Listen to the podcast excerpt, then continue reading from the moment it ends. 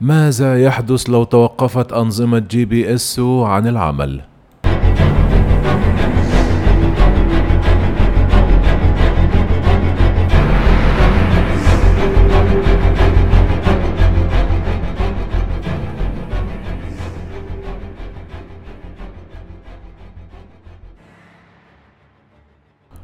في عام 2009 ضل زوجان من السويد طريقهما إلى جزيرة كابري الإيطالية ووصلوا بدلا منها إلى بلدة كاربي الصناعية شمال إيطاليا والتي تبعد عن الجزيرة نحو 650 كيلومترا.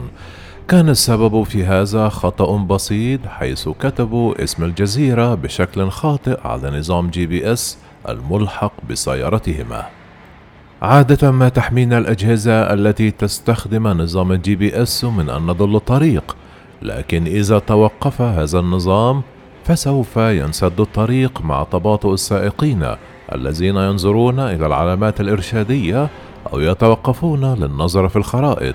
إذا كانت رحلتك عبر القطار فلن تكون هناك معلومات تخبرك بالموعد المتوقع لوصول وجهتك.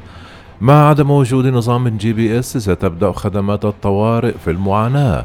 لن يتمكن أفراد تلك الخدمات من تحديد مكان المتصلين عن طريق إشارة هواتفهم أو تحديد أقرب سيارة إسعاف أو سيارة شرطة. سوف تكتظ المواني بالبضائع لأن رافعات الحاويات تحتاج إلى هذا النظام من أجل تفريغ السفن. الزراعة البناء صيد الأسماك هذه صناعات أخرى سوف تتضرر وذكرها تقرير للحكومة البريطانية. قدر تكلفة توقف GPS بنحو مليار دولار يوميا خلال الأيام الخمسة الأولى. وإذا استمر التوقف لفترة طويلة فقد نبدأ في القلق بشأن مرونة مجموعة كاملة من الأنظمة والخدمات الأخرى المرتبطة به. هذا النظام يحدد المواقع بالفعل لكنه أيضا خدمة لتحديد الوقت. يتكون نظام تحديد المواقع العالمي من 24 قمرا صناعيا تحمل جميعها ساعات متزامنة بدرجة عالية من الدقة. عندما يستخدم هاتفك الذكي GPS لتحديد موقعك على خريطة ما فإنه يلتقط إشارات من بعض هذه الأقمار الاصطناعية ويقوم بإجراء حسابات بناء على وقت إرسال الإشارة ومكان وجود القمر الصناعي. إذا كانت الساعات الموجودة على تلك الأقمار الاصطناعية قد انحرفت بمقدار جزء من الألف من الثانية فسوف ينحرف موقعك على الخريطة عن موقعك الحقيقي بمسافة تقدر بين 200 أو 300 كيلومترا. لذا إذا كنت تريد معلومات بالغة الدقة عن الوقت فإن GPS هو الوسيلة المناسبة الوحيدة للحصول عليها. إذ لا عجب أن يسمي البعض GPS في بعض الأحيان بالمساعد غير المرئي.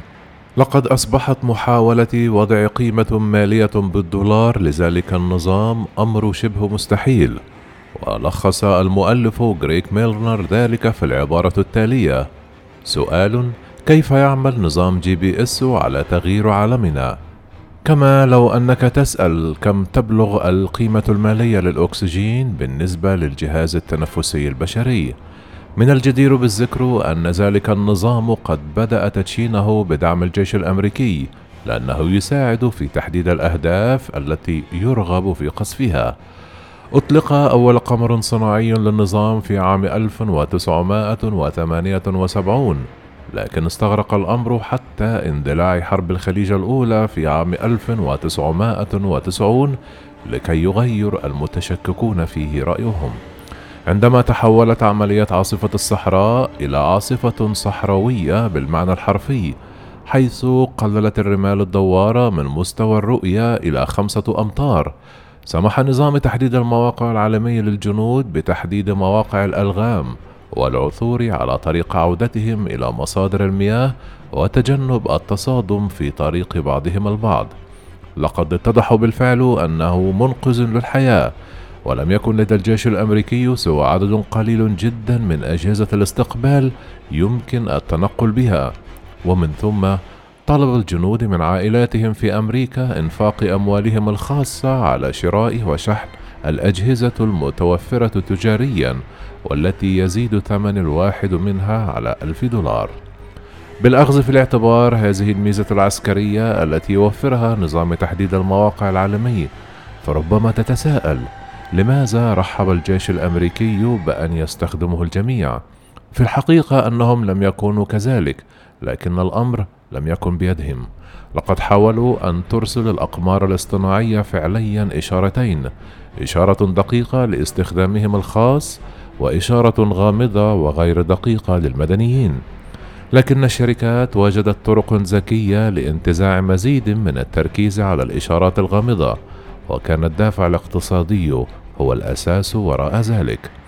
في عام 2000 انصاع الرئيس الأمريكي بيل كلينتون للأمر الذي لا مفر منه وجعل الإشارة عالية الجودة ومتاحة للجميع.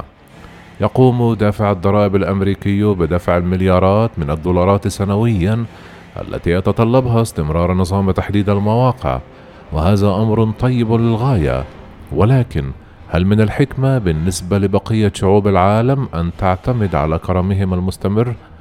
في الواقع إن GPS ليس هو النظام الوحيد في العالم لتحديد المواقع. فهناك نسخة روسية أيضا تسمى جلوناس رغم أنها ليست جيدة ولدى كل من الصين والاتحاد الأوروبي مشروعه الخاص المتقدم ويسميان بيدو وجاليليو على التوالي. كما تعمل كل من اليابان والهند على تطوير أنظمة أخرى. وقد تساعدنا هذه الأقمار الاصطناعية البديلة على التخلص من المشكلات الخاصة بنظام GPS لكنها قد تصنع أيضا أهدافا عسكرية مغرية في أي صراع في المستقبل.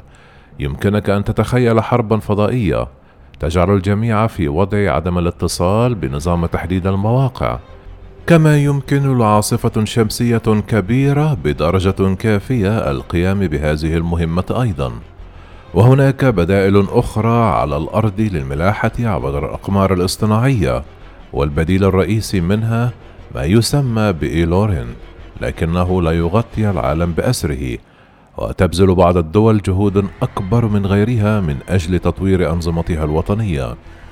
أحد نظام مزايا eLoran هو أن إشاراته أقوى وبحلول الوقت الذي تقطع فيه إشارات GPS رحلتها إلى الأرض عبر مسافة تبلغ عشرون ألف كيلومترا تصبح ضعيفة للغاية.